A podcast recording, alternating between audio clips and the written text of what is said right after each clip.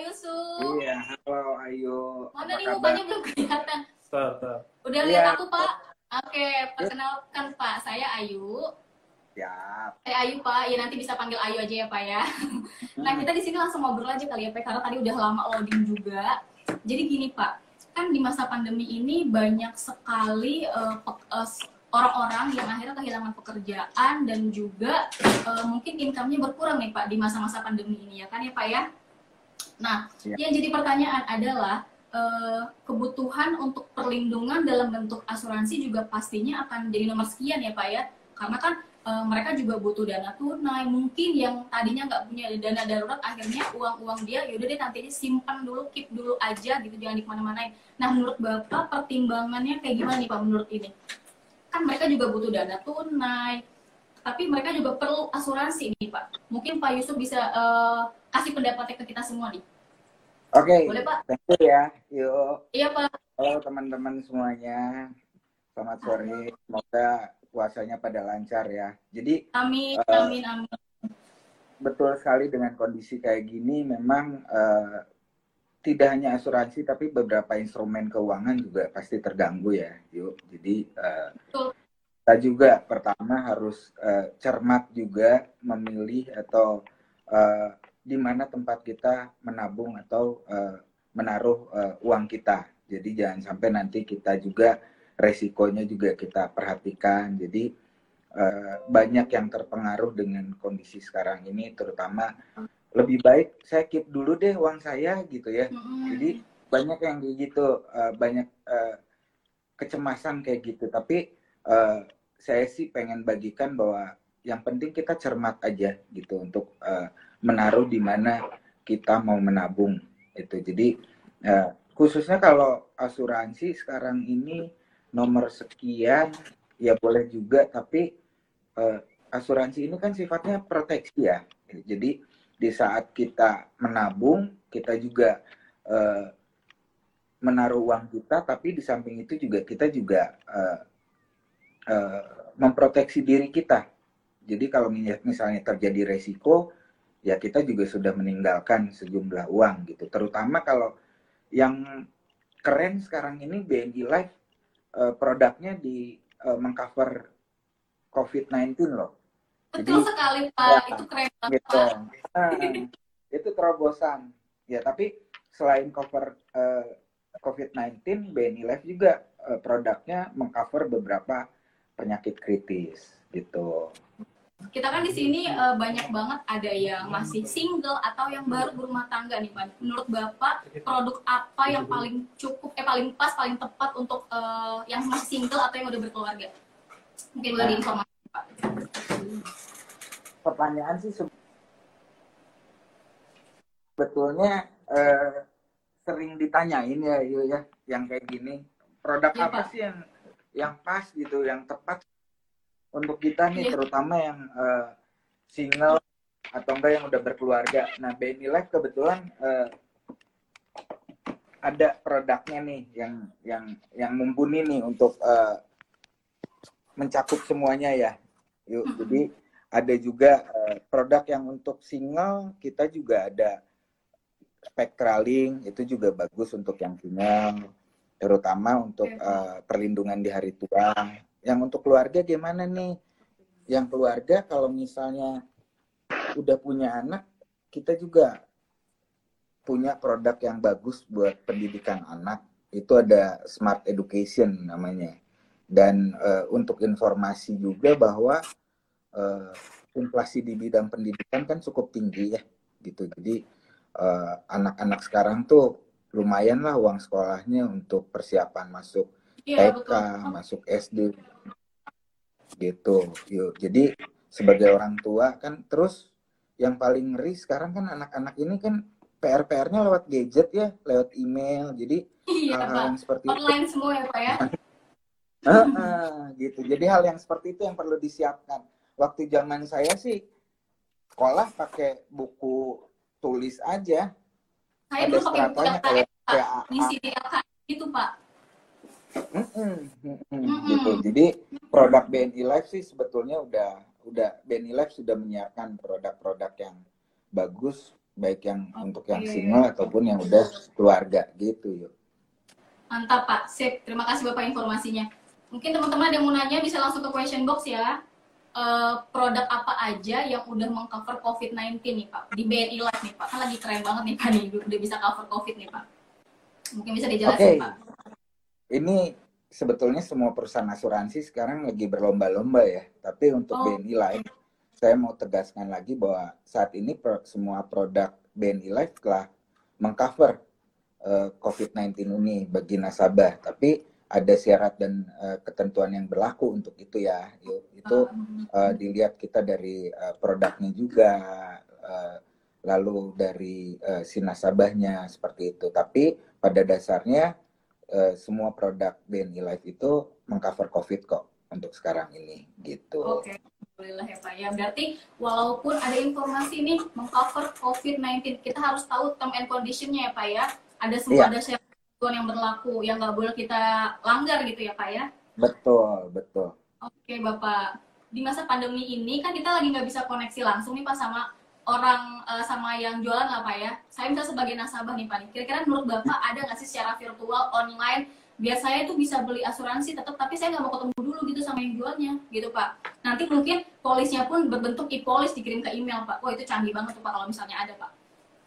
Oke, itu cocok ya untuk zaman Cocok. sekarang nih. Jadi kita juga kan uh, udah ada PSBB nih, kita uh, Betul. sebagai pemasar asuransi juga uh, sebetulnya pada awalnya kendala nih gitu menawarkan uh, produk ke nasabah tidak bisa ketemu langsung ataupun uh, menawarkan ya. Tapi uh, sekarang ini justru BNI Life ada terobosannya nih yuk untuk bikin kayak gitu gitu. Jadi Ah, Pak? uh, nasabah tidak perlu lagi tuh datang ke uh, ketemu gitu, tidak perlu repot-repot lagi ketemu dengan uh, agen pemasar kalau misalnya Oke. uh, nasabah juga uh, takut gitu. Nah, bisa tinggal telepon atau enggak melalui virtual kayak gini, yuk. Jadi kita bisa Oke. Oh bisa kayak gini ya Pak ya?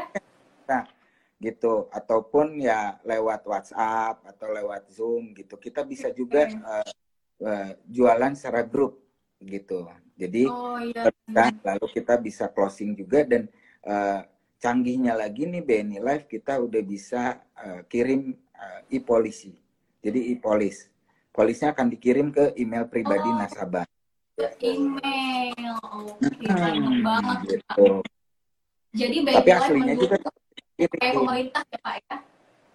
Mm-mm, mm-mm, mm-mm, gitu. Tapi aslinya disimpan atau gimana tuh Pak? Apa nanti nggak dapet? Aslinya dikirim juga ke ke nasabah, ke alamat nasabah. Oh iya, Jadi lewat ekspedisi gitu ya Pak ya?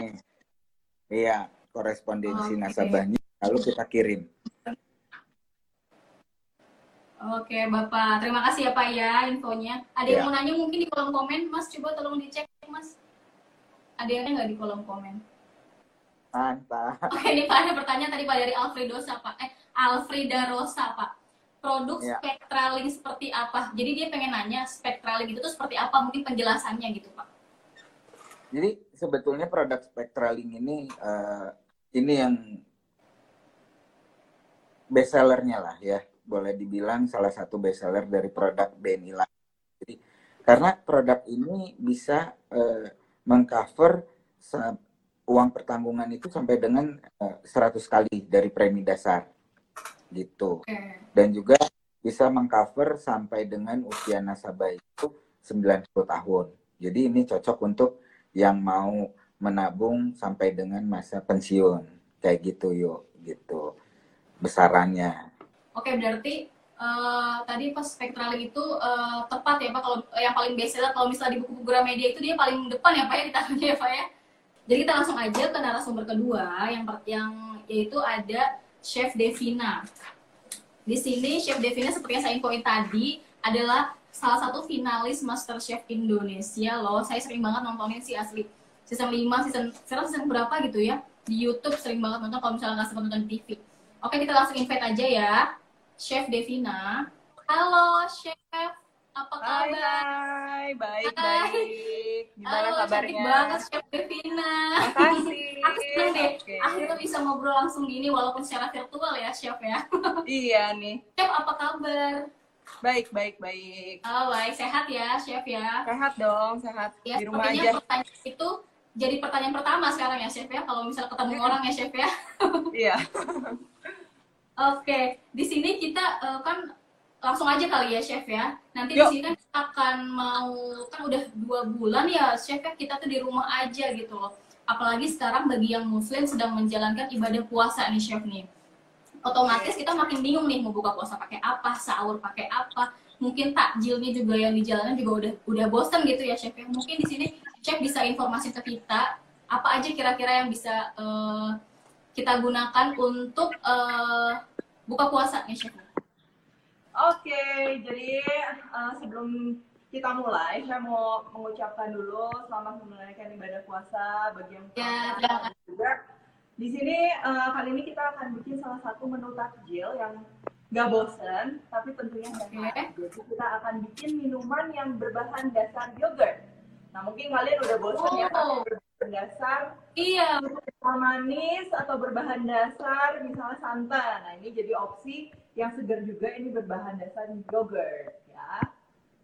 yogurt. Oke. Nanti sambil chef buat, kita sambil ngobrol boleh chef ya. Boleh boleh boleh boleh.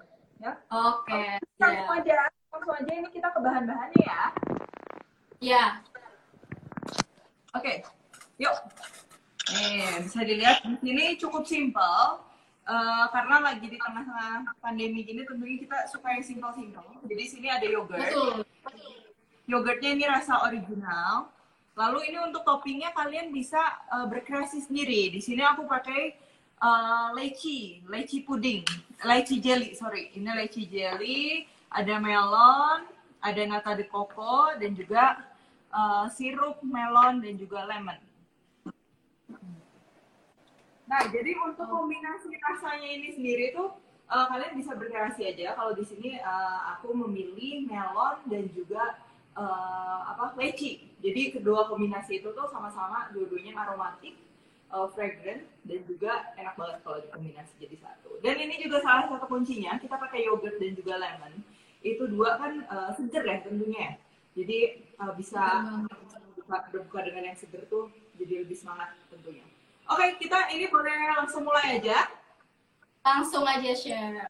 Oke, langsung aja. Jadi di sini pertama sudah menyediakan gelas ya. Gelasnya boleh pakai gelas apa aja yang ada di rumah. Terus ini supaya Oke. cantik, sirupnya ini kita eh, taruh di pinggir kayak gini. Sebenarnya ini nggak akan terlalu pekat karena ini bukan sirup mocha. Cuma nanti lihat aja hasil akhirnya itu bakalan cantik. Terus ini kita akan kasih topping sesuai selera. Jadi di sini aku pakai jelly. Seger banget ya chef ya. Iya, terus ini melon, jadi melonnya ini udah dibulet-bulet, tuh kan lucu, apalagi kalau misalnya Oh iya. anak, anak-anak juga pasti seneng betul, ya. Oke, tuh secukupnya, ya nggak usah penuh-penuh, nanti kagak muat. Terus Tergantung gelasnya aja ya chef ya. Ya, tergantung gelas. Kalau misalnya kita bikin buat se-RT, masukin ke dalam plastik, masukin es Iya. batu kedap-kedap, baru kita bagi-bagi. Biasa kayak gitu. Iya. Bener banget chef. Itu yang sering terjadi. Tuh kan jadi berlapis-lapis begitu ya. Tuh, Iya. Ya gini. Nah. Ntar kita mau ambil es batu dulu di sini. Boleh, Udah boleh. Udah disiapin, cuman tadi nungguin Pak Yusuf jadi saya masukin lagi ke dalam. Oke. Takutnya cair ya chef ya. Iya, takutnya cair ya. Tuh, kita kasih es batu. Jadi es batu ini juga dia eh, penting supaya bikin minumannya jadi segar. Aduh, makin aus banget nih chef nih. Tuh. Nih, nanti yang bakalan cakep nih kalau kita udah tambahin atasnya sama yogurt. Iya. Tuh, kan? Ya. Nah, jadi ini dia. Tuh. Es melon yogurt jelly ya. Aduh. Ini belum beres, ini belum beres. Itu belum selesai. Belum. Sebentar. ini kan kalau misalnya tingkat keasaman tuh itu sesuai selera ya. Tapi Iya, kalau betul. misalnya aku tuh suka yang emang seger banget yang asam gitu. Jadi, Jadi ditambah sama lemon ya? Ah, kita tambahkan lemon. Oke. Tuh, sedikit aja. Baru eh, ini karena belum pada buka, jadi jang- eh, jangan nyobain dulu sekarang. Iya Chef. Ini kurang lebih seperti ini tuh. Jadi gini, ini juga tips ya. Kalau yang mau suka berkreasi sendiri, berkreasi di rumah, eh, suka ngarang-ngarang resep gitu, ya aku, itu kuncinya sebenarnya kalau misalnya kita mau bikin suatu hidangan, misalnya ini hidangan manis, kita kasih beberapa kombinasi rasa dan juga tekstur. Nah, jadi tekstur itu tuh Oke. penting. Seperti di sini kan ada jelly, jelly tuh kenyal. Heeh. Terus ada melon, melon tuh Ada melon. dikasih gitu kan, seger-seger gitu Iya. kan. Terus ada nata de coco. Nah, jadi ketika kita makan bareng itu tuh ada bikin sensasi gitu di mulut. Dan di sini aku kasih kombinasi rasanya eh, sirup melon, buah melon dan juga eh, jelinya tuh rasa leci. Jadi kalau Oh. misalnya kalian cobain lagi buah leci juga itu enak. Kayak misalnya kiwi sama leci, wah itu bakal seger banget. Jadi kayak gitu sih. Jadi ada asam, ada manis, lengkap gitu ya, Chef ya? Iya, tuh. Tuh, ini jadi yogurtnya, otomatis yogurtnya mencair. Karena kan kita juga udah dikasih di dalamnya tuh udah ada jelly, terus nata de coco, terus kita kasih es batu, sama sirup. Jadi ini emang harus yogurtnya tuh agak mencair, bukan yang kental gitu. Oh, Ya, heeh. Terus udah tambah sirup lagi gitu. Nah mungkin Wah, ini ini kan kamera, banget. Kameranya kan eh, dibalik nih. Saya sambil coba lihat. Mungkin ada yang mau bertanya. Oke. Eh, mungkin dari dari aku dulu nih, Chef mau nanya nih, Chef. Oke, siap. Masak Apa nanya nih, Chef. Eh, kira-kira eh, Chef Devina itu seneng masak itu dari usia berapa sih? Sampai Wah. akhirnya jadi profesi ini. Senang masak tuh mungkin dari emang dari kecil ya. Pada dasarnya kan senang nyicipin makanan tuh. Jadi kalau misalnya makanan belum datang ke meja tuh udah lapar duluan. Jadi sering ikut ke dapur, cicip-cicip. Nah, dari situ jadi senang masak kayak gitu. Oke, dulu itu Chef ada pendidikan formal memasak gitu atau emang udah karena hobi aja jadi cari-cari Oh, di Google? saya backgroundnya di manajemen, bisnis manajemen, jadi nggak ada background, nggak ada background di bidang eh, memasak yang secara teknis memasak ya. Cuman Oke. setelah kita apa? Setelah kita lihat lagi banyak juga yang maksudnya apa yang di saya pelajari di manajemen itu itu bisa saya terapkan di memasak. Salah satunya misalnya manajemen waktu, di mana kita masak untuk 50 orang, tapi kita hanya punya waktu sekian. Nah, di situ kan kemampuan manajemen kita juga dipakai. Iya, betul. Jadi nggak melenceng-lenceng amat lah. Oke. Kalau kan aku sering nontonin Halo Chef, Yes. kan aku sering nontonin YouTube-nya Chef Devina nih. Kan ada Oh, yang ya? kayak eh, apa tuh bikin garlic oil tuh pokoknya kan itu tuh inspirasi itu dapat dari mana sih, Chef? Hal-hal yang baru yang sebenarnya aku belum pernah lihat tapi akhirnya ada di eh, YouTube-nya Chef Devina gitu loh. Nah, sebenarnya kalau misalnya inspirasi, sekarang tuh masih banyak banget resep-resep yang pengen aku masak. Cuman aku selalu uh, emang berangkat dari something yang basic dulu. Jadi garlic oil adalah something yang basic yang emang aku pakai setiap hari dan juga membantu. Jadi paling penting tuh Iya. tips-tipsnya itu kan sebagai ibu rumah tangga tuh apa yang bisa membantu membuat jadi praktis. Nah, jadi kalau misalnya yang kalian lihat itu emang benar-benar apa yang menurutku uh, membantu. Jadi resep-resep yang mudah, misalnya praktis, terus tips-tips dapur, dan juga salah satunya garlic oil itu adalah sesuatu yang selalu emang ada dan juga membantu gitu. Oke. Iya, iya. Eh, Chef ada pertanyaan nih Chef dari yang nonton. Ya, Jadi eh, katanya sirupnya boleh diganti rasa lain nggak ya? Apa itu bikin rasanya jadi kurang fresh lagi? Dari Henaria. Oke, kalau dari sirupnya ini bebas bebas bebasnya. Jadi balik lagi tadi uh, seperti yang saya sudah jelaskan, kalau kalian ingin meracik resep sendiri, nah itu jadi pikirkan dulu mau ada kombinasi rasa kah atau nggak mau. Jadi misalnya contoh mau pakai sirupnya koko pandan. Nah pure mau Hmm. koko pandan semua atau misalnya mau dikombinasikan antara koko pandan sama buahnya sirsak atau apa misalnya. Itu boleh sih ini nggak ada aturan. Ini kan basicnya kan yogurt. sesuai selera ya chef ya? Iya, yogurt tuh kalian mau pakaiin berry enak, mau pakai sirup rose pun enak, mau pakai gula merah, gula merah enggak sih, saya nggak pernah coba. iya oke. gula Ya, berarti ya. sesuai selera aja nih ya mau pakai sirup Iya, apa pun rasanya gitu. Kalau yogurt sama buah-buahan. Seger kan, Iya. gitu. Oke, Eh, chef mau nanya lagi nih, kalau misalnya nih chef kan kita lagi sahur buka puasa gini kan kita semuanya kan yang instan gitu ya. Kalau menurut Hmm. chef, kalau kita punya beberapa makanan yang sifatnya itu frozen gitu, baik nggak ya chef? Kalau misalnya di dikonsum setiap hari gitu? Oke, sebenarnya gini, eh, frozen tuh banyak yang eh, salah kaprah juga dalam artian frozen. Kalau kita selama kita menyimpan makanan frozen itu dengan benar, itu malah membuat kalian aman dibandingkan kalian nyimpan makanan bukan di freezer gitu. Pada dasarnya kan kualitas makanan, baik nutrisi, baik kualitas makanannya itu sendiri tuh dia nggak boleh terekspos dengan misalnya kelembapan yang buruk atau suhu yang buruk.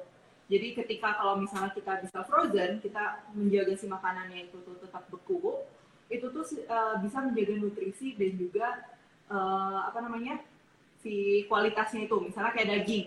Nah kalau misalnya daging terlalu lama atau nggak sayur terlalu lama di kulkas itu tuh nutrisinya juga menurun.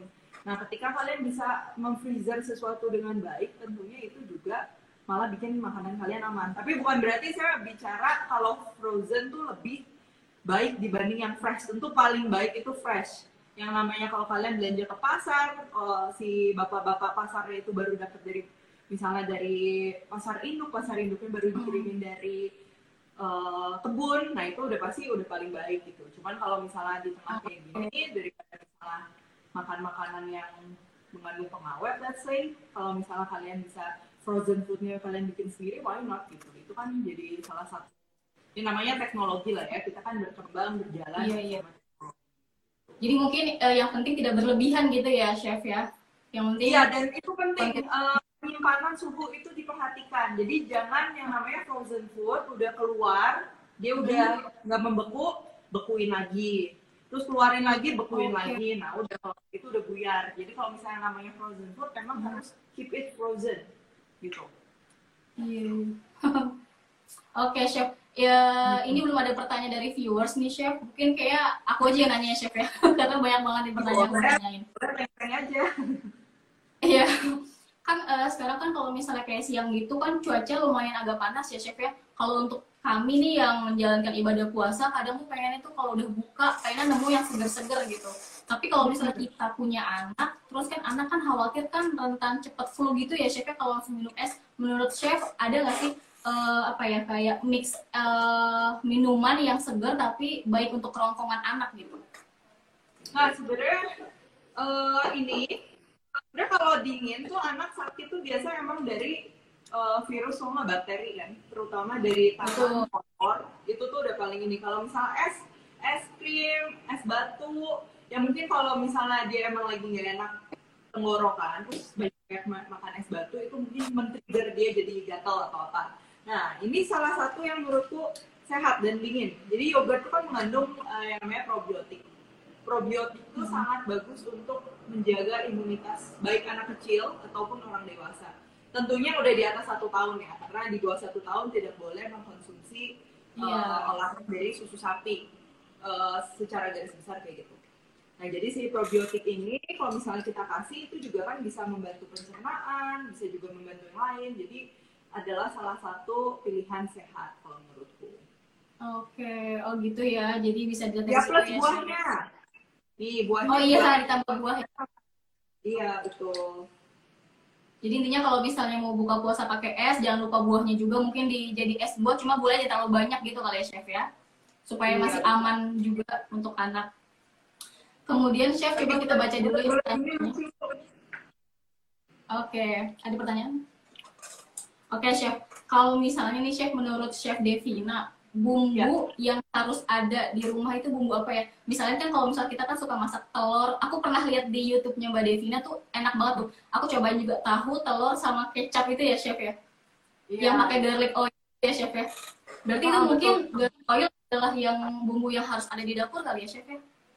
Iya, jadi sebenarnya kalau bumbu kita ini ngomongin Nusantara aja kali ya. Iya. Kalau Nusantara tuh salah satunya yaitu bumbu bawang putih, bawang merah, kecap manis. Nah itu dengan kita punya tiga itu aja kita udah bisa masak banyak banget sih. Iya, Tumis-tumisan. Uh, terus bisa juga tambah saus tiram gitu kan. Nah, jadi bumbu-bumbu dasar gitu yang penting kita bisa apa ya bisa berkreasi gitu kan. Uh, dapat idenya ya boleh, mau dari YouTube saya boleh, mau dari yang lain boleh. Nah kalau misalnya kayak gitu kita masak-masak ya buat rumahan sih kita udah oke sebenarnya mau cuma tumis-tumis aja udah enak nggak sih? Iya nggak sih? Intinya rasanya udah akan enak lah ya, chef kalau misalnya udah ada Iya. bumbu itu gitu. Mm-mm. Oke, chef. Kemudian eh kalau chef Devina nih eh, tipe yang coba-coba dulu makanan, maksud misalnya kayak mix ini sama ini atau memang ah udah dipikirin dulu dari malam, dicatetin baru dicoba atau ya udahlah kalau gagal juga nggak apa-apa gitu. Apa gimana nih? Untuk menemukan eh, apa? Untuk menemukan eh, apa sih eh, menu makanan yang baru gitu. Oh kalau ini untuk masak sehari-hari Untuk makanan sehari-hari. Iya untuk makanan sehari-hari betul. Oh.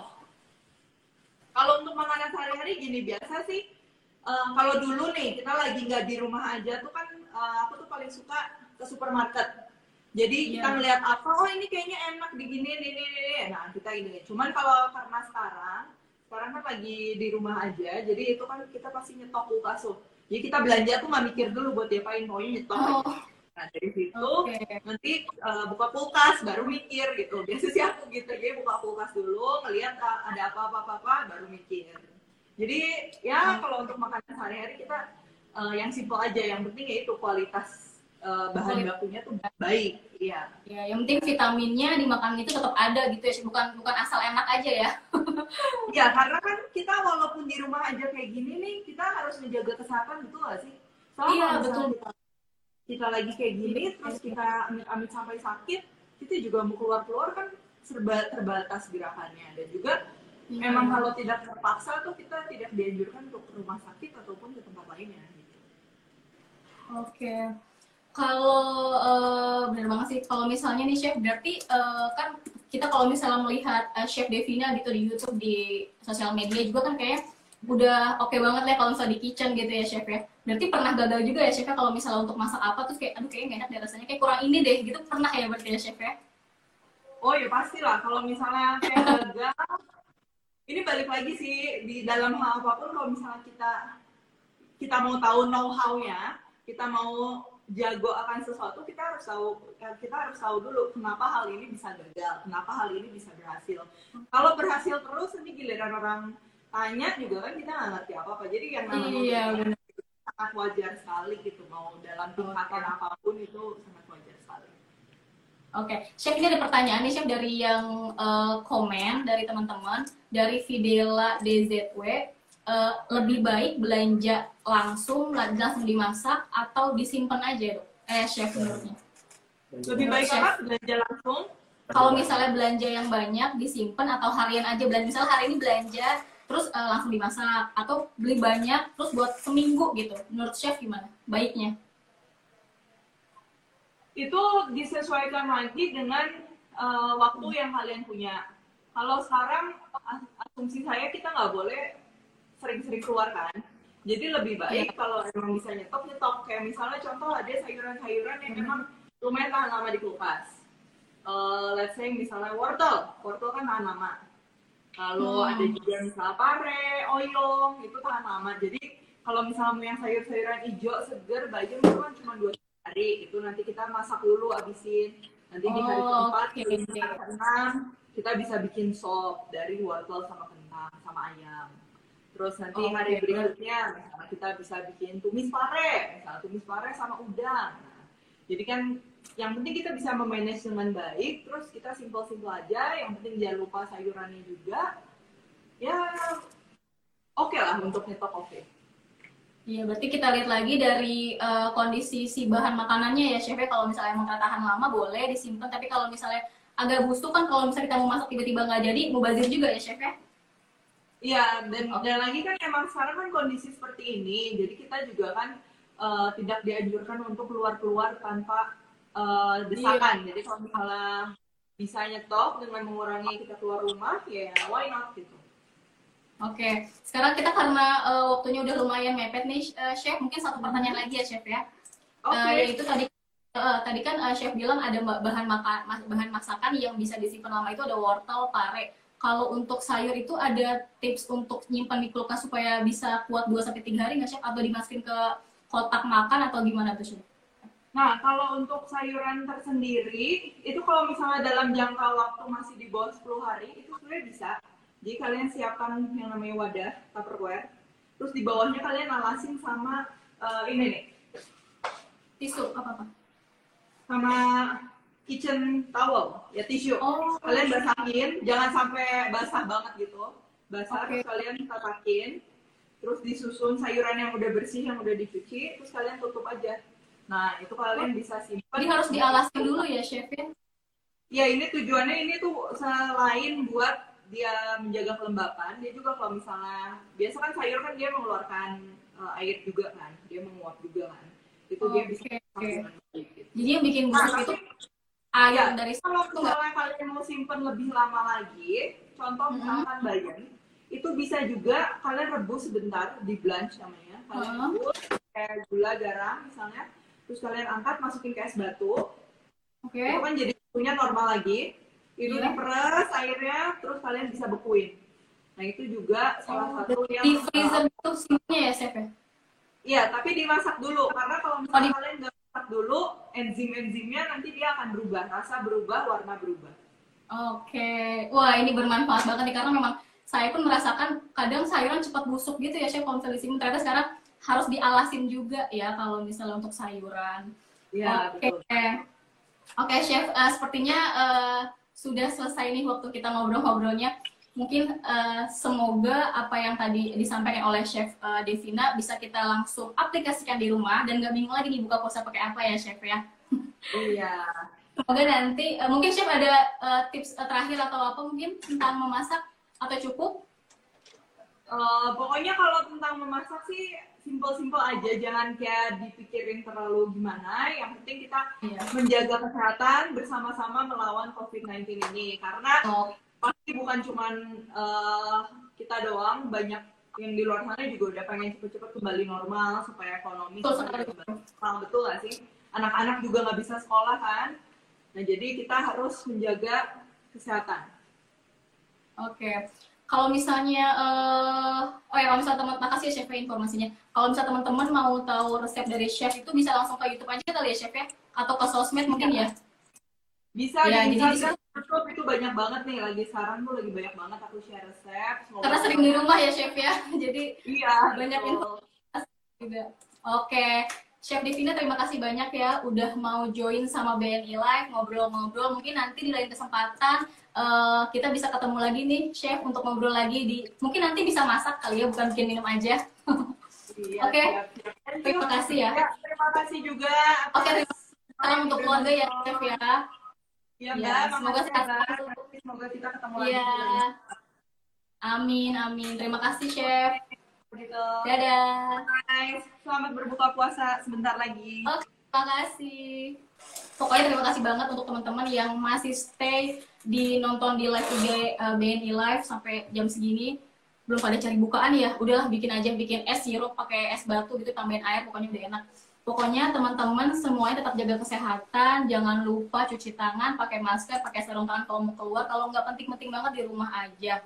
Terus kalau misalnya teman-teman butuh informasi tentang Live bisa langsung ke YouTube, ke Instagram, ke Twitter, ke Facebook, atau mungkin bisa live chat juga di website kita, atau call center di 15045, dan ada juga eh, di email kita yaitu care.ib@bni-live.co.id. Jangan lupa ya. Kalau misalnya mau nemenin ngabuburit, mau dengerin Spotify, sering banget tuh Spotify ada podcast. Kita juga punya podcast nanti nih. Informasi yang tadi barusan eh, teman-teman dengar bisa kita langsung upload di eh, podcast juga nanti ketika podcast BNI Live. Terima kasih teman-teman. Assalamualaikum warahmatullahi wabarakatuh.